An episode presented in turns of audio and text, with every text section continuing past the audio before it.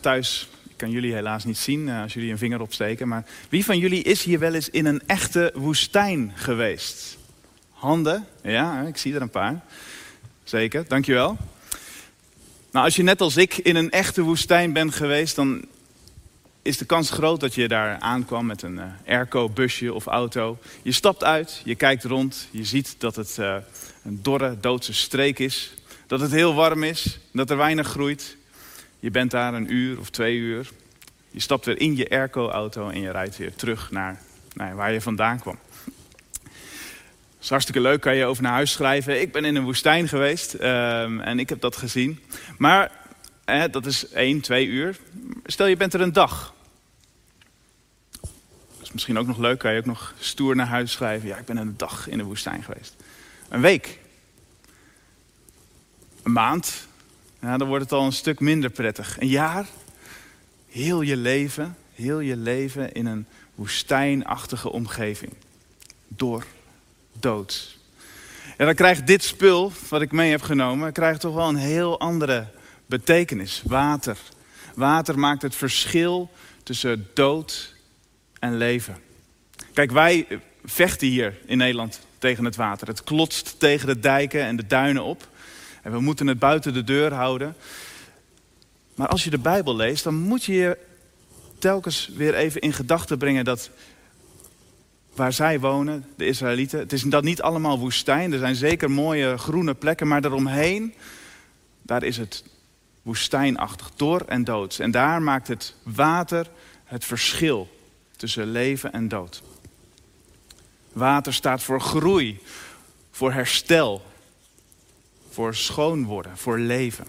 En dat is eigenlijk al een thema, een symboliek die vanaf het begin van de Bijbel, als er een rivier loopt door de tuin, door het Hof van Eden, tot aan het einde in openbaring en alles wat ertussenin zit. Mozes die op de rots slaat met een staf.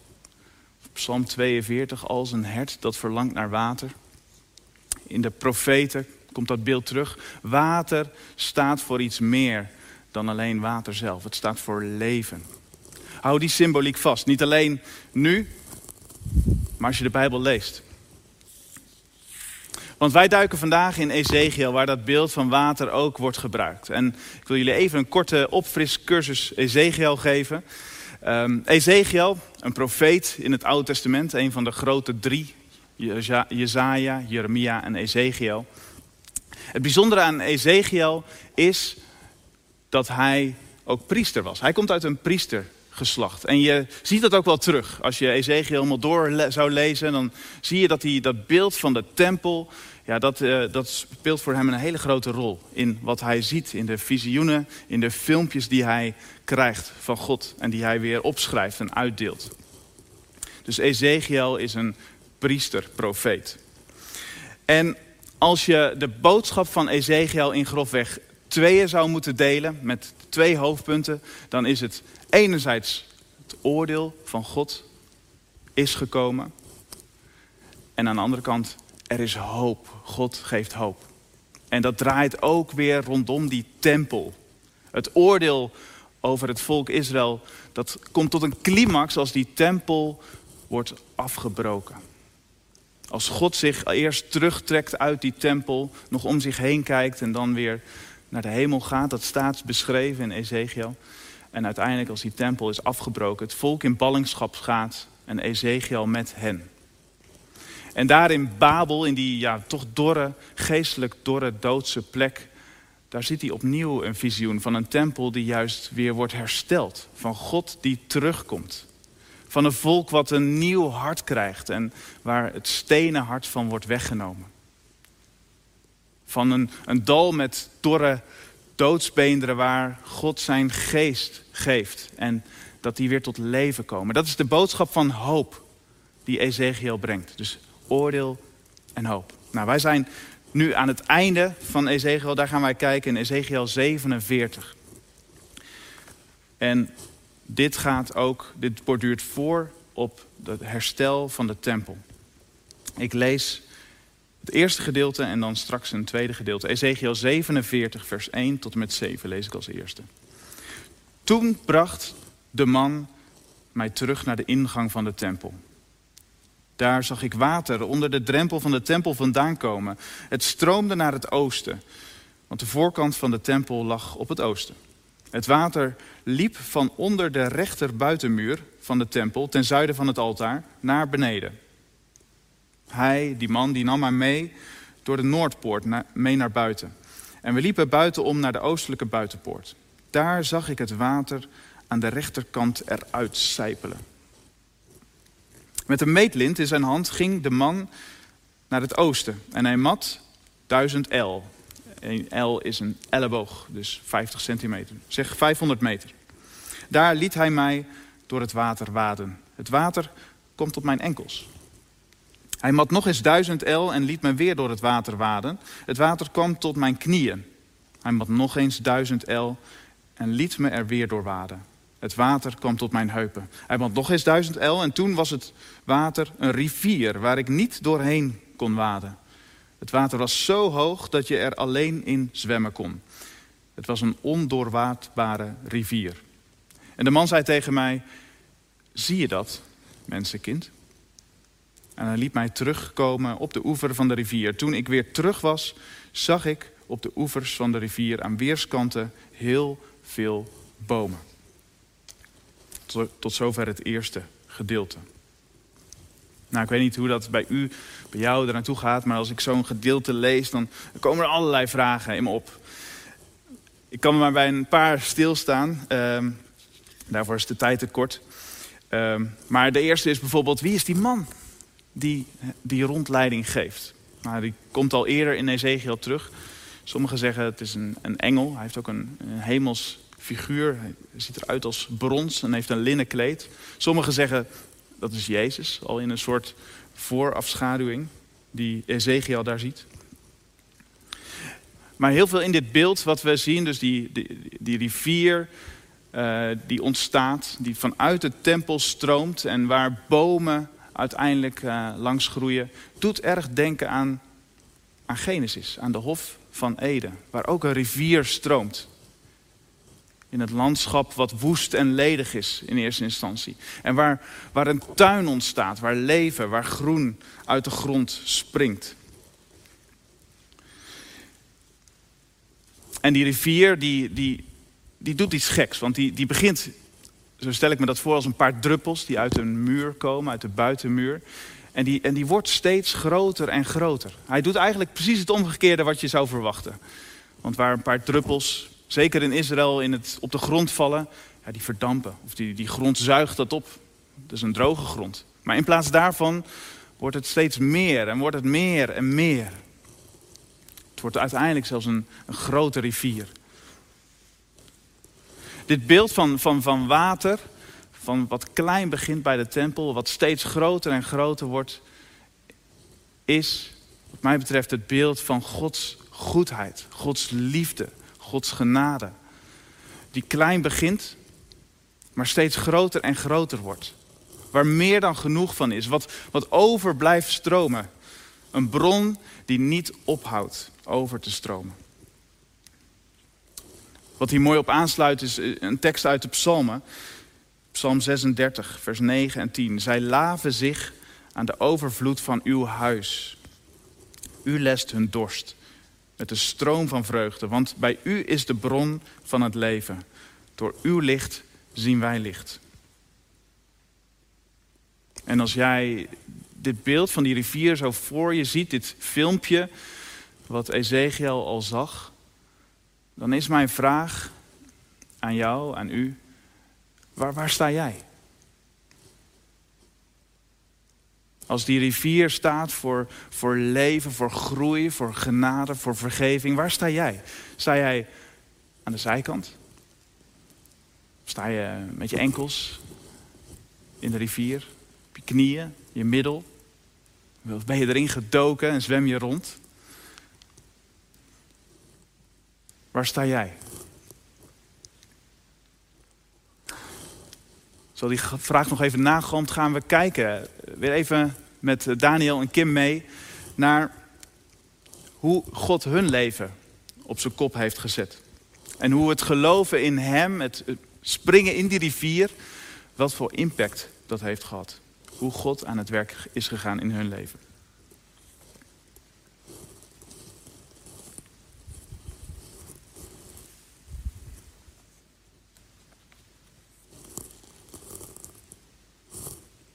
Geloof heeft mijn leven enorm veranderd.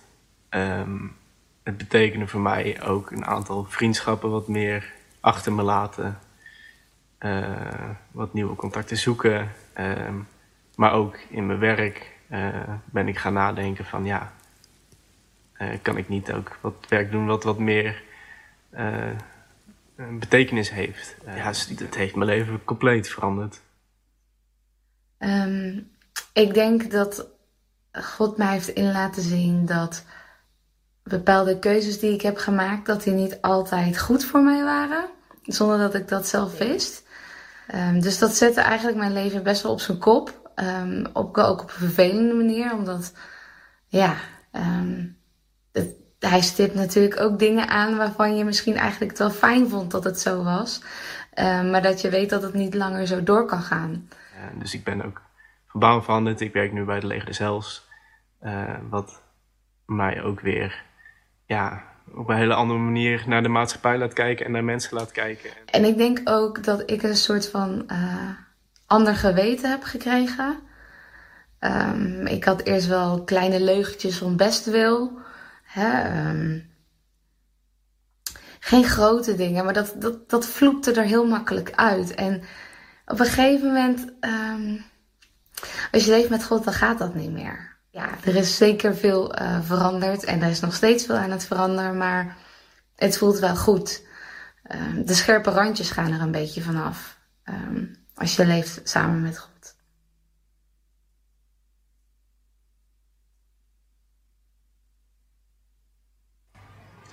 Ik geloof zeker dat God van ons vraagt om door te geven wat we van hem ontvangen hebben. En wat dat dan is, ja, dan moet iedereen denk ik voor zichzelf achterkomen? Dat vind ik lastig, omdat ik nog helemaal in uh, ontwikkeling zit en ik ook niet zo heel erg goed weet uh, wat voor plan uh, God met mij heeft um, en welke kant ik op moet daarin.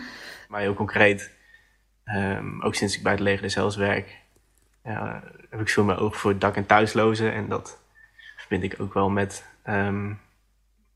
wat in de Bijbel staat. Dat ja, ik heb gemerkt dat het is helemaal niet moeilijk om uh, even om te zien naar iemand die op straat zit. Het is, het is zo makkelijk om uh, aan iemand voorbij te lopen.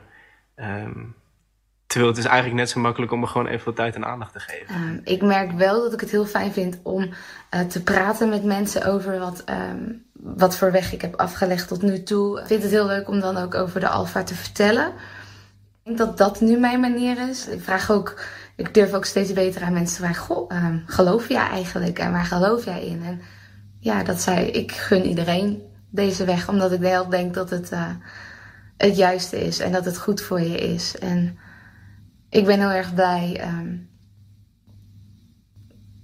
dat God in mijn leven is gekomen. Ja, dat soort dingen. Ik denk dat dat wel echt past bij christen zijn.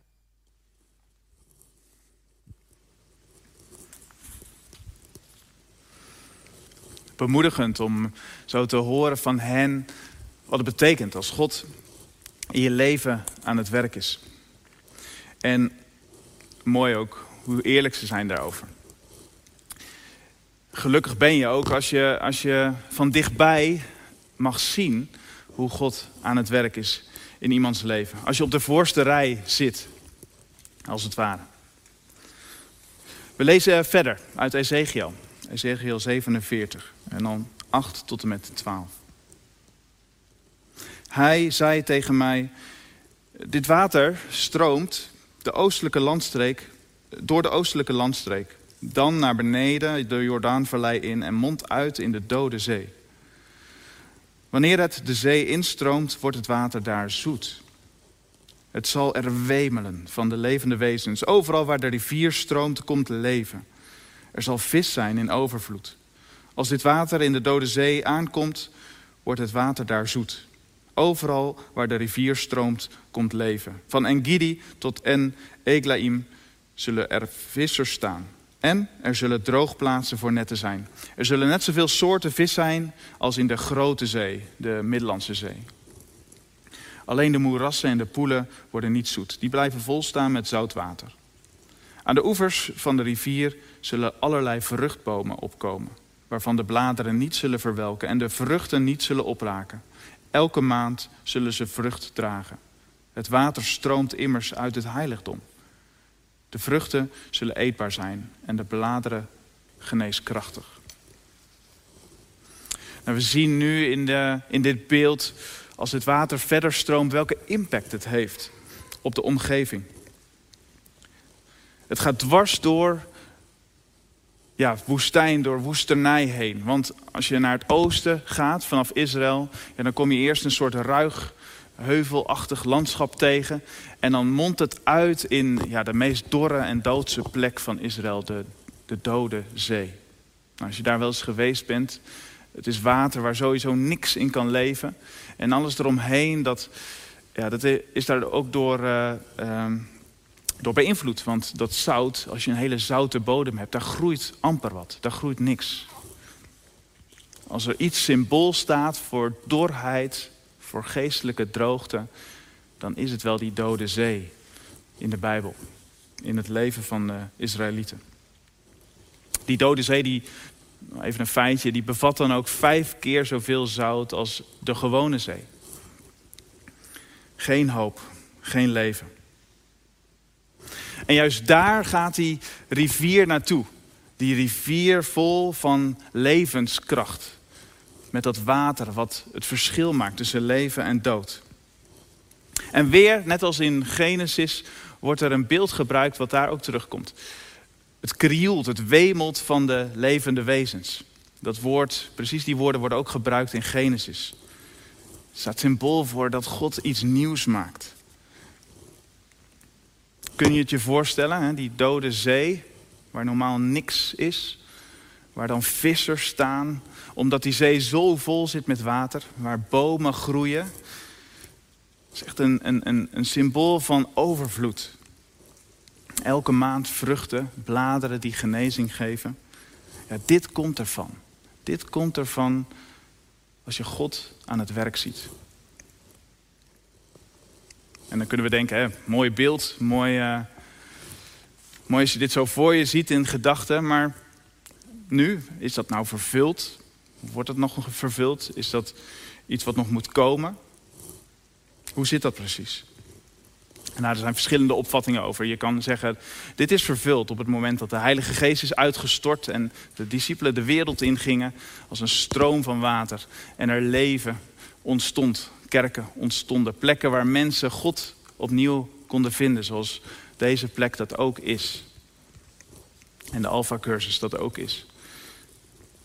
Je kan ook zeggen, op het moment dat Jezus stierf en er water uit zijn zij kwam, is dat, borduurt dat voort op dit beeld. Zijn vergeving, zijn liefde, die we aan het kruis hebben gezien, de meest dorre en doodse plek in de geschiedenis, waar God zichzelf gaf en stierf aan onze zonde. Ja, juist die plek, daar, vanuit daar komt het leven tevoorschijn. Je kan ook zeggen dat het nog in de toekomst ligt. Uh, Johannes in Openbaringen zegt zoiets. Want hij gebruikt datzelfde beeld. In Openbaringen 22, vers 1 en 2 staat: Hij liet me een rivier zien met water dat leven geeft. De rivier was helder als kristal en ontsprong aan de troon van God en van het lam. In het midden van het plein van de stad en aan weerskanten van de rivier stond een levensboom. Die twaalf vruchten gaf, elke maand zijn eigen vrucht. Die bladeren van de boom brachten de volkeren genezing. Ja, dat lijkt verdacht veel op dat beeld in Ezekiel. En, uh, een scherpe aanvulling hierop is dat het de volkeren genezing geeft. Gods weg, Gods beweging is altijd die geweest van, van binnen naar buiten. Van de tempel naar de wereld. En van die plek in Jeruzalem naar de dode zee. Om leven te brengen op die dorre plaatsen. In mensenharten. In ons hart. in deze wereld. En als je die beweging van God voor je ziet, wil ik je de vraag stellen van waar sta jij? Wat doe jij? Jezus die, die zegt op een gegeven moment in Johannes 7, rivieren van levend water zullen stromen uit het hart van wie in mij gelooft. Misschien een bekende tekst voor je. Maar de vraag is, waarom, waarom gebruikt Jezus hier het woord levend water en niet waarom gewoon water? Maar wat levend water is, is dat levend water stroomt. Water wat stilstaat, dat sterft op een gegeven moment af. Daar kan geen leven in groeien. Maar levend water wat blijft stromen, dat bruist van het leven. En God die roept ons door dit beeld op om wat wij van Hem ontvangen, om dat door te geven aan anderen. Anders dan sterft dat water in ons. En de vraag is van, stroomt dat water in jouw leven, dat water wat God geeft, wat vanuit die tempel komt, vanuit zijn aanwezigheid, stroomt dat in jouw leven door naar anderen? Of blijft dat stilstaan? En ik wil dat heel praktisch en concreet maken deze ochtend door straks een moment stilte te nemen waarin je een persoon, een naam mag noemen. In stilte thuis kan dat hardop. Een naam van iemand waar je aan denkt met de vraag van aan wie zou dit water wat God mij heeft gegeven, Gods genade, Gods geest, aan wie zou ik dat graag willen door laten stromen? Door te bidden voor die persoon. En misschien wel die persoon uit te nodigen voor koffie, voor thee of voor de Alpha-cursus. Om die persoon te gunnen, te geven wat, wat jij hebt ontvangen. Het kostbare van God. En gelukkig ben je als je op de eerste rij mag zitten en God aan het werk mag zien. In het leven van een ander. Want hoe goed is dat om dat te zien? Dat wens ik iedereen toe. Laten we samen bidden en stil zijn en deze namen bij God brengen. Goede God, Vader in de hemel, we danken u dat u die stroom van levend water bent. Dat vanuit uw aanwezigheid een bron opkomt die, die niet ophoudt met stromen. Uw liefde blijft altijd overvloeien. Vloeien.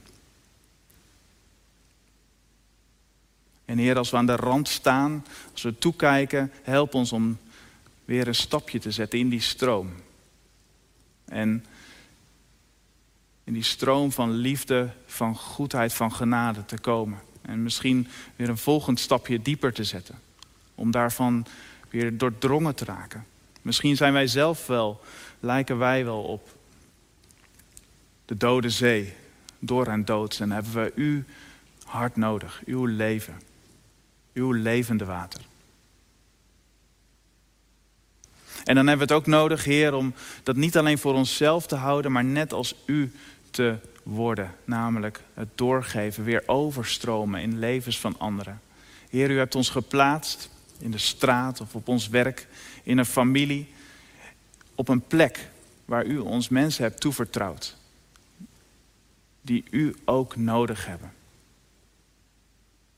Heer, in dit moment van stilte willen we één zo'n naam noemen van iemand die we bij u willen brengen.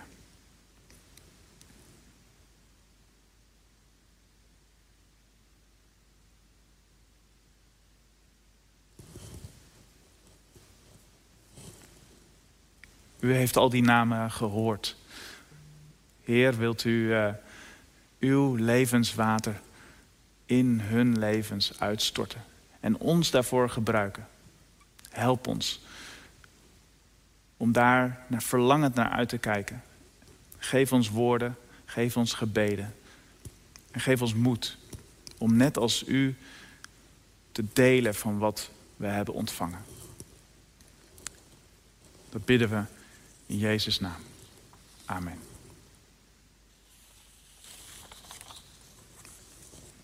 Gaan een lied zingen, For the One. Een gebed waarin we God vragen om ons te helpen door te geven wat Hij ons heeft gegeven.